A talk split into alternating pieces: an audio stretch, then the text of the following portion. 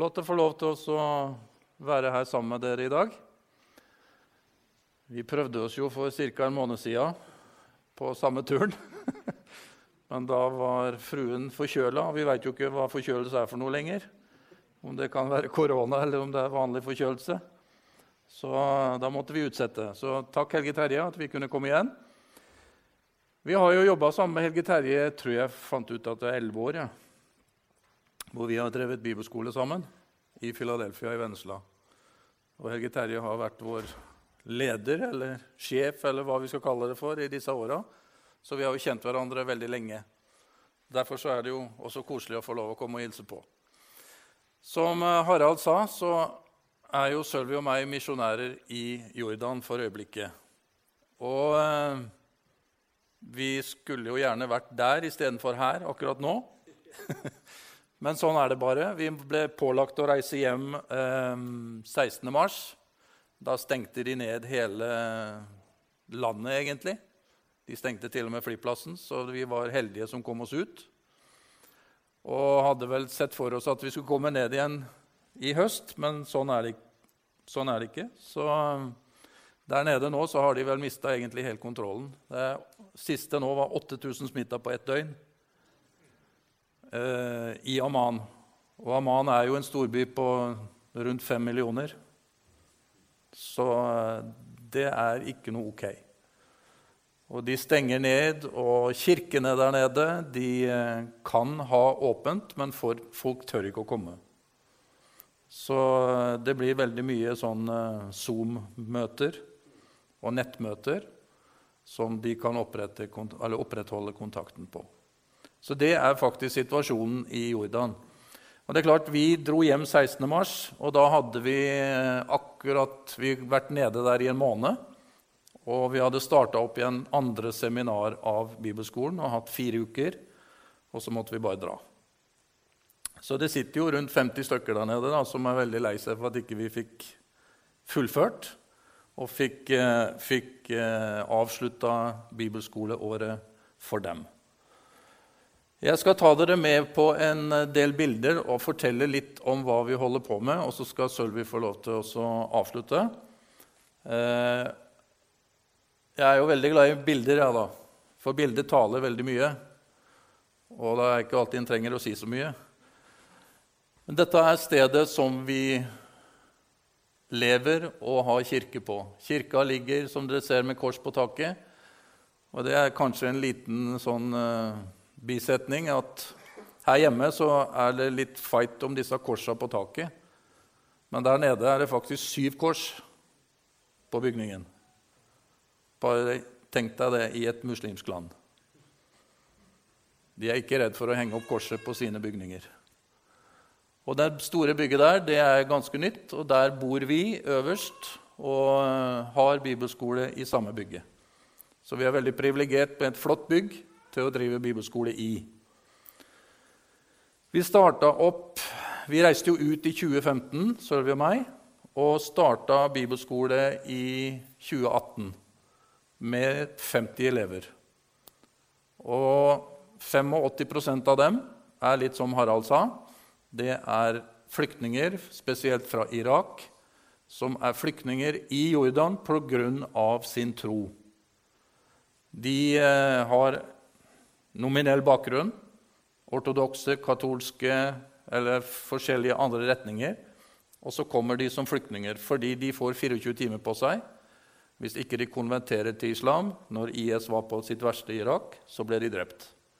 Så de fikk de 24 timene på seg å komme seg ut. Ja, da må de forlate alt. Veldig mange av dem de kjørte bil til grensa og solgte bilen på grensa for å få noe penger og kom seg over. Så det er, eh, det er, tøffe tak. Vi sitter og hører på veldig mye historier fra, fra bibelskoleelevene, og du blir, eh, jeg må si, du blir berørt langt inn i sjela på hva folk må gå igjennom. Dette er da den skoleklassen som vi måtte reise fra i, eh, i mars. Og veldig mange av disse, når jeg sier de har nominell bakgrunn De fleste har aldri hatt en bibel i sin hånd. For det er presten som skal lese fra Bibelen. og de skal sitte pent og lytte. Så det at vi deler ut en bibel til hver av dem, det er jo som julekvelden. At de skal få lov til å ha en bibel som er dems, og som de kan få lov til å lese i. Og det at de er like verdifulle som presten, det er helt nytt. Det høres litt rart ut for oss, kanskje, men for dem så er det det. At de er faktisk like verdifulle som han som står og forkynner Guds ord. Og undervisninga, Du ser vi har flotte lokaler til å undervise. Og vi kjører eh, vanlig skoledag tre dager i uka. Og eh, vi må jo fokusere mye på Guds nåde. For Guds nåde hører de ingenting om. For her handler det om å ta seg sjøl i nakken og gjøre seg fortjent til å være elska av Gud. Og Det er ikke den far som vi kjenner til. Så vi bruker veldig mye tid til å formidle det budskapet som handler om at Gud er en god Gud.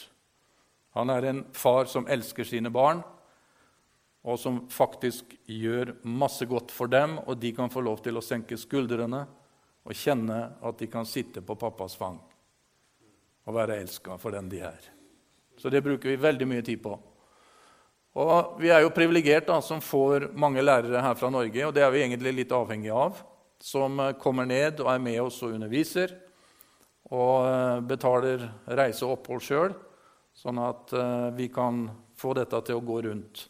Det som er grunnen til at vi fokuserer på å bruke våre lærere fra Norge, det er at hvis vi hadde tatt inn bare arabiske pastorer og ledere, så hadde vi ikke hatt elever. Og Det sier litt, fordi da veit de hva de får. For da er det på nytt igjen dette med å gjøre seg fortjent til. For Det er loven som blir forkynt. Dessverre så er det veldig mye sånt. Forbønnsbiten er veldig viktig i klassen. Og det, det, er jo veldig mye dette vi nå får høre, at de savner dette med å bli holdt rundt, bli bedt for, bli elska og hvis vi tenker at muslimene, som vi har noen få muslimer som er konvertert som elever, de er jo vant til bønn. For det å be det er jo en del av religion. Så det er egentlig ikke noe stort problem å si at vi skal be. Men det at de kan bli holdt rundt, at de kan bli lagt hendene på, at de kan bli velsigna, og det at de opplever at det skjer under. Det er fantastisk å få lov til å være med på og se at folk blir satt fri. Virkelig. Det er en fantastisk opplevelse. Han kjenner dere kanskje. Jørn og Pernille Strand de var nede hos oss. Var med og delte Guds ord og ba for folk. Den dama der jeg har skrevet legedom over, Her er ei irakisk eh, flyktningdame. Eh, på venstre der så ser dere at hun sitter med sånn svart skaut over hodet, kledd i svart.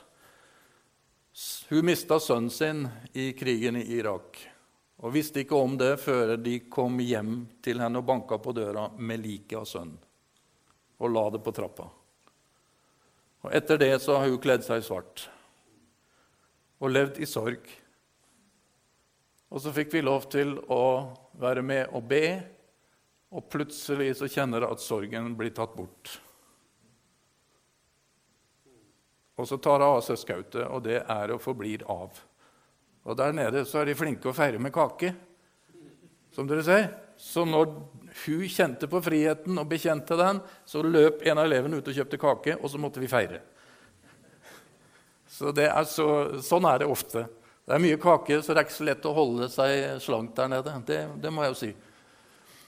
Det ekteparet der har jeg lyst til å si veldig kort om. Eh, Maher han som sitter der sammen med sin kone og barn, er blitt våre faste medarbeidere der nede. Hun er tolken vår. Han har jobba for Kaba her i Norge i 20 år. Eh, og dere som ikke vet hva Kaba er kristent arbeid blant arabere. Han har jobba på Kypros i veldig mange år. Og når vi starta bibelskole, så, så, var det jo kona som ble tolken vår, sånn at han ble en del av det de gangene han var hjemme. I desember i 2019 så kjente han at tiden i Kaba var over. Og han ville gi seg hen til det som vi holdt på med, som handla om å drive bibelskole for flyktninger og konverterte muslimer. Så En dag så kommer han på skolen sammen med kona, og så har han kjørt henne og er på vei ut. Og Idet han går ut trappa, så taler Gud til ham. Og så sier han, 'Maher, snu. Din plass er i klasserommet.' Det var så klart og tydelig for han at Gud talte at det var plassen hans. Og Etter det så har han blitt en lønna medarbeider som vi kan ha glede av, og som er så godt kjent i hele regionen i Midtøsten, ikke bare i Jordan, men også alle de andre landene. Så han er, han er verdt sine, si, sine penger, sin lønn. Så det er veldig flott å ha han. Og så har vi satsa på noe nytt fordi vi ser at den undervisninga som vi gir inn i bibelskolen, det er noe hele regionen trenger. Og da må vi satse på media. Da er det å ta opp det vi underviser, redigere det og sende det inn til andre land som også ønsker å starte bibelskoler etter hvert. Så det ser ut som vi kommer til å få litt av hvert å gjøre framover. For det er mange land både Irak, Libanon, Israel og Syria ønsker å starte opp med det vi har starta i Jordan. Så det er mye spennende framover når korona endelig gir seg. Så vi gleder oss til det. Så får vi besøk fra andre land. Flame International. Det er eh, ei gruppe som kommer fra England, og som eh, Jeg må jo si at eh, når jeg, når jeg ser utover forsamlinga her nå, så er det en del godt voksne mennesker her. Den gjengen der de var 16 stykker. Og Den eldste var 84, og den yngste var 70. Så det er håp å kunne reise ut og bety en forskjell for folk selv om en har passert pensjonsalderen. Og Det gjorde de, og de holdt på med drama. Du ser jo de ligger og kravler rundt på gulvet der i den alderen. Jeg var kjempeimponert. Men det betydde så utrolig mye for disse elevene å se at folk i sin beste alder gir tid og krefter for å bety en forskjell for dem. Så det var fantastisk bra. Lovsang og tilbedelse har vi veldig mye fokus på. Og de er kjempeflinke å tilbe, og vi bruker en halvtime hver morgen til fokus på akkurat dette. Og så har det blitt sånn, da, og det er jo litt greit å reklamere for her og nå, at vi tar imot bibelskoleteam og besøk. Harald og Mette og Tom og Øyf Øyfrid ja, var jo nede hos oss i 2018 og var med og underviste på bibelskolen. Så det er veldig mange som kommer ned, og det er, blir en del av vår uh, oppgave å ta oss av folk som kommer ned til Jordan for første gang. Flyktningarbeidet som drives der nede, det er avhengig av medarbeidere, for det er mange som skal betjenes. Og Det som er det flotte for oss å se, det er at de som har gått på bibelskolen, de begynner å praktisere det de har lært. Så når du studerer der 11 av 13 medarbeidere er altså tidligere flyktninger, eller de er vel flyktninger fortsatt, men har vært på bibelskolen og er med å praktisere det de har lært hos sine egne som er flyktninger. Så det er jo så fantastisk flott å se. Og så har jeg kalt det for Church of Nazarene reisebyrå. Det er det vi egentlig føler oss som av og til. Så kan du jo se på de som kommer opp til venstre der. Vi måtte jo ha med den gjengen til Petra. Petra er jo kjempekjent som et flott sted å dra. Mount Nebo. Og så avsluttes det med en sånn dag. Det klager vi ikke på, for det er, det er greit å ha innimellom. At vi kan få lov til å nyte Dødehavet og noen bassenger. Så det er litt av oppgaven vår. Så skal jeg ta noen historier. Extreme Makeover det er jo noe som går på norsk TV. Og Extreme Makeover det er faktisk også noe som Gud holder på med i våre liv og i dems liv. Og Jeg skal ta en historie om denne dama her, som heter Manal, som kom som muslim fra Bagdad i Irak til menigheten og til bibelskolen. Hun kom som muslim, og mannen var muslim, og de hørte om kirka. Hun kom til oss med hjernesvulst. Kom på et bønnemøte på en onsdagskveld. Og som jeg sa før, de er vant til bønn. Så hun var ikke redd for å spørre om å bli bedt for. Så vi var to stykker som gikk og la enkelt hånda på henne og ba om Guds legedom og ta bort svulsten.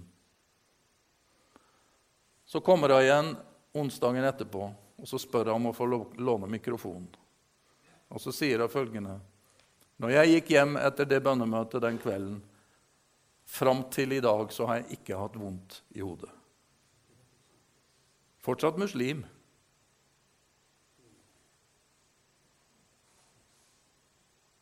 Så sier vi du må gå til legen. Du må ta et røntgen. Du må se om det er borte. Så går det enda ei uke. Så kommer neste bønnemøte, og så kommer hun tilbake og vifter med røntgenbildene. Jeg er frisk. Tar imot Jesus. Tar av seg skautet, begynner på bibelskolen. Det er hun til høyre der i bildet sammen med Sølvi. Kjempebehov for nærhet og bli elska.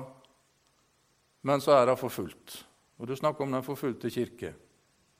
Og hun er forfulgt av sin kjødelige far, som er imam i en moské i Bagdad.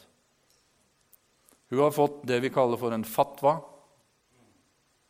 som er et brev om at hvem som helst som finner henne, kan ta livet av henne. Hun er ikke verdt noen ting lenger fordi hun har tatt imot Jesus. Faren hennes døde nylig, men fatwaen gjelder fortsatt. Og det som er, Hvis du ser den familien der Her er mor og far og to barn. Herlig frelst, konvertert og lever for Jesus i dag, men med livet som innsats. Og denne lille gutten nede i høyre hjørne der Mor og søster kom på besøk for et års tid siden fordi de ville prøve å overbevise dem om å gå tilbake til islam. Prøvde å kjøpe dem tilbake med penger, med hus, med bil, med mange lovnader. Men de sto imot. Og når de, mor skjønte at du ikke kom noen vei På ei uke så prøvde hun to ganger å ta livet av dattera si. De måtte låse soveromsdøra om kvelden når de gikk og la seg. Den lille gutten han har gått på søndagsskolen i vår menighet og lært seg å synge om Jesus. Så det er klart, når bestemor kommer på besøk, så har jo han lyst til å synge.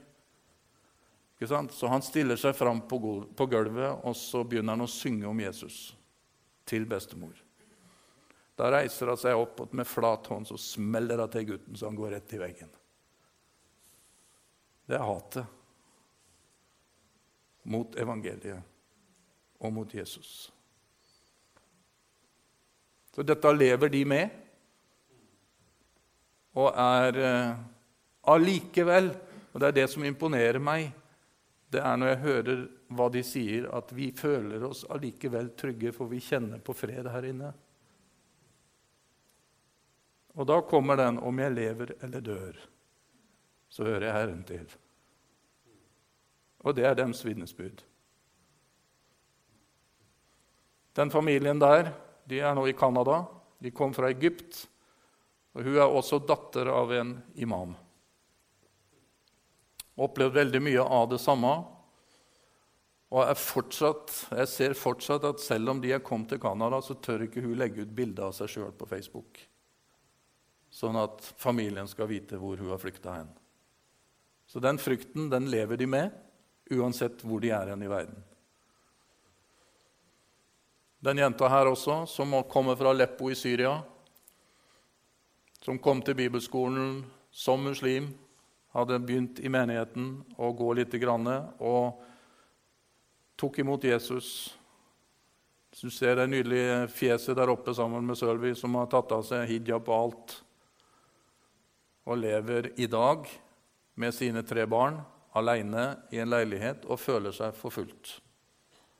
Kommer seg ikke ut av Jordan. Og det er jo utfordringa. De kommer seg ikke ut av Jordan om de sjøl vil, pga. situasjonen. Så de blir værende. Så det er tøft. Her er to andre. Hun er fortsatt kledd hun til venstre som muslim, for hun tør ikke ta av seg noe som helst pga. at hun har familien tett på. Den dama der, som også kommer fra Aleppo, hun eh, ble gift når hun var 12, fikk tre barn, skilt når hun var 16, og ble gifta bort igjen. Og nå har hun to barn som hun har med seg til Jordan.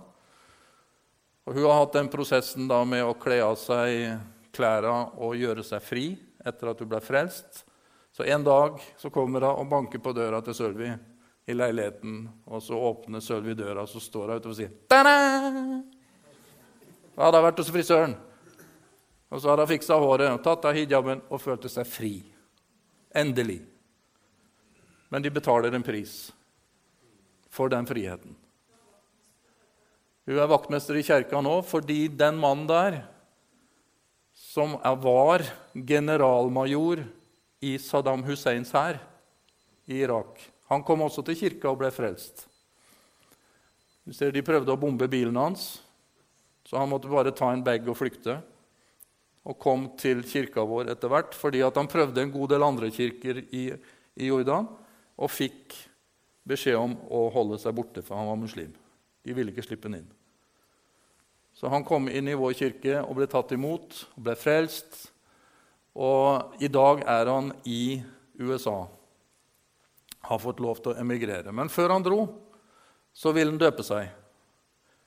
Og Som tidligere muslim, både han og Asia, så var ikke det så enkelt. Så vi måtte være kreative, så vi løp ut og kjøpte et oppblåsbar basseng. Inn i klasserommet, inn med en slange og kaldt vann og fylte opp. Og så låste vi døra, så ingen skulle vite om dette. Og så døpte vi disse to, så de skulle få lov å oppleve det samme som de andre som vi har med oss ned til Jordanelva og døper. Men vi måtte gjøre det i all hemmelighet. Det var feststund og får lov til å døpe disse to. Og så skjer det som kanskje blir sånn surrealistisk. Tre dager før Wissam skal reise til USA, så gifter disse seg. Og så er de får være gift og sammen i tre dager, og så må han reise og etterlate henne og to barn igjen i Jordan.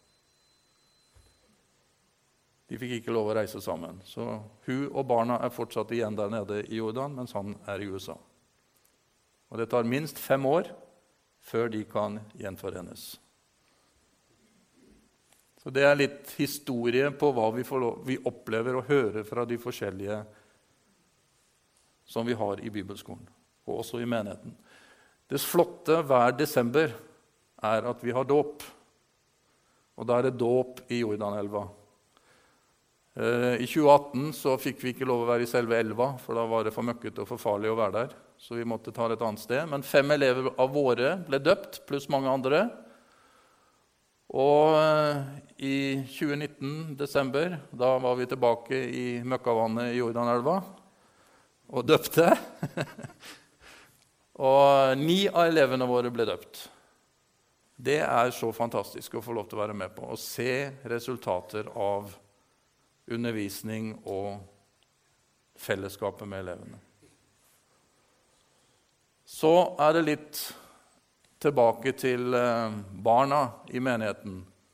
I går så hadde vi en samtale med Khalil og Randa på telefon, og jeg lovte å overbringe hilsen til Helge Terje og til dere som menighet. Si tusen takk for det dere gjør og støtter dem med. Og veldig mye av det går jo til det arbeidet blant barna, det dere støtter med. Og Her ser dere litt åssen det kan se ut. Nå har ikke barna fått lov til å være i kirka siden 12. mars. Ikke ett barn får lov til å komme til kirka nå pga. korona. Og Husk på at det er mye av dems fellesskap en gang i uka å få lov å komme og se venner. Det har de ikke fått gjort nå på så mange måneder. Så det er egentlig litt krise. Men sånn kan det se ut når det samles til jul eller påske eller når det er storhøytid med mange barn. Da ser det sånn ut inne i salen. Og da er det opptil 1000 barn i de to salene. Og Da sitter de og står de, og jeg vet ikke hvor de gjør av seg. Det, det er trangt. Men det er en herlig stemning å få lov til å se disse barna som utfolder seg. Og så har jo menigheten da 600 syriske familier som får hjelp, og det har de fått siden 2011. Så det er ni år med flyktninghjelp. Et budsjett på 2,2 millioner norske kroner per år for å hjelpe disse. Og det kan dere jo alle skjønne at det kan ikke en liten menighet i Jordan greie sjøl. Så alt disse pengene kommer utenifra. Men har kommet helt fram til nå. Og vi har fått lov til å hjelpe 600 syriske familier. Og Da ser det sånn ut i salen. Kan du tenke deg denne salen full av muslimer tildekka? Det er et fantastisk skue. Og Husk på at de kommer frivillig. Det er ingen som tvinger dem til å komme. De kommer fordi de har behov, fordi de trenger hjelp. Og det de må når de kommer inn i salen, det er at de må løfte av seg hijaben sin sånn at ansiktet er synlig, så alle ser at det er den rette som kommer. De har eh, noe kort som de er registrert på som de for å komme inn. Men de gjør dette frivillig også fordi de er trygge. De er i en trygg setting. Selv om vi, noen få menn, går rundt der og hjelper dem, så gjør det ingenting. De er trygge. Forkynner og ber for. Og igjen de reiser seg opp og vil bli bedt for. Det er helt utrolig, men når du innbør dem til bønn, om det er til frelse eller til legedom, eller hva det er, så reiser de seg opp, veldig mange av dem, og vil bli bedt for. Så jeg er overbevist om at det er mange skjulte troende blant muslimene i dag som ikke tør pga. livet sitt å gi seg til kjenne. Jeg er overbevist om. Her ser dere litt av hva som blir delt ut av mat, av bleier, av olje, av kylling.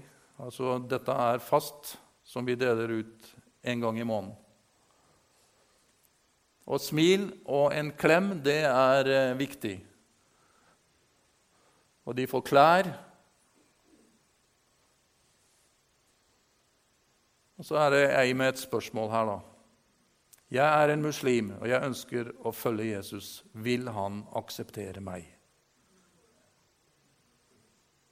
Mm. Det er veldig mange av de spørsmåla vi får. Vil han akseptere meg, da? Jeg som har, er muslim. Men de spør, og da kan vi jo gi dem et godt svar. At de er akseptert. Så får vi, betjener vi Det kommer medisinske team fra USA som betjener dem på frivillig basis, har med seg medisiner og alt sånt. Og 600 stykker blir betjent i løpet av tre dager. Gratis. Alt er gratis. Og Da er, ser det sånn ut. Og du får til og med trukket ei tann sånn på direkten. Bare en sånn kjapp bedøvelse så rett ut. Og de smiler og er så glad for at de får det bort. Så litt andre tilstander enn det vi har hatt. De betjener også 175 irakiske flyktningfamilier med det samme utdelinga av mat. Og så har vi en strikkekafé opp i Strømmen som strikker gensere. Og vi får det til utdeling til barna hver vinter. Så det er så gøy å kunne dele ut noe varmt noe til barna. Det er kaldt der nede. Eh, på vinteren så er det null grader, og det kan være snø. For eh, Amman ligger på 900 meters høyde, så det kan være kaldt. Og da er det skikkelig kaldt, for ingen av husene der er isolert som, på, som i Norge. Så skal jeg avslutte før Sølvi får si litt, med det dere egentlig også er med på å og støtte. Og det er Joy School for førskolebarn. Eh, og da er det majoriteten av de ca. 40 barna som går der, de er muslimske barn som kommer dit og får lov til å være der.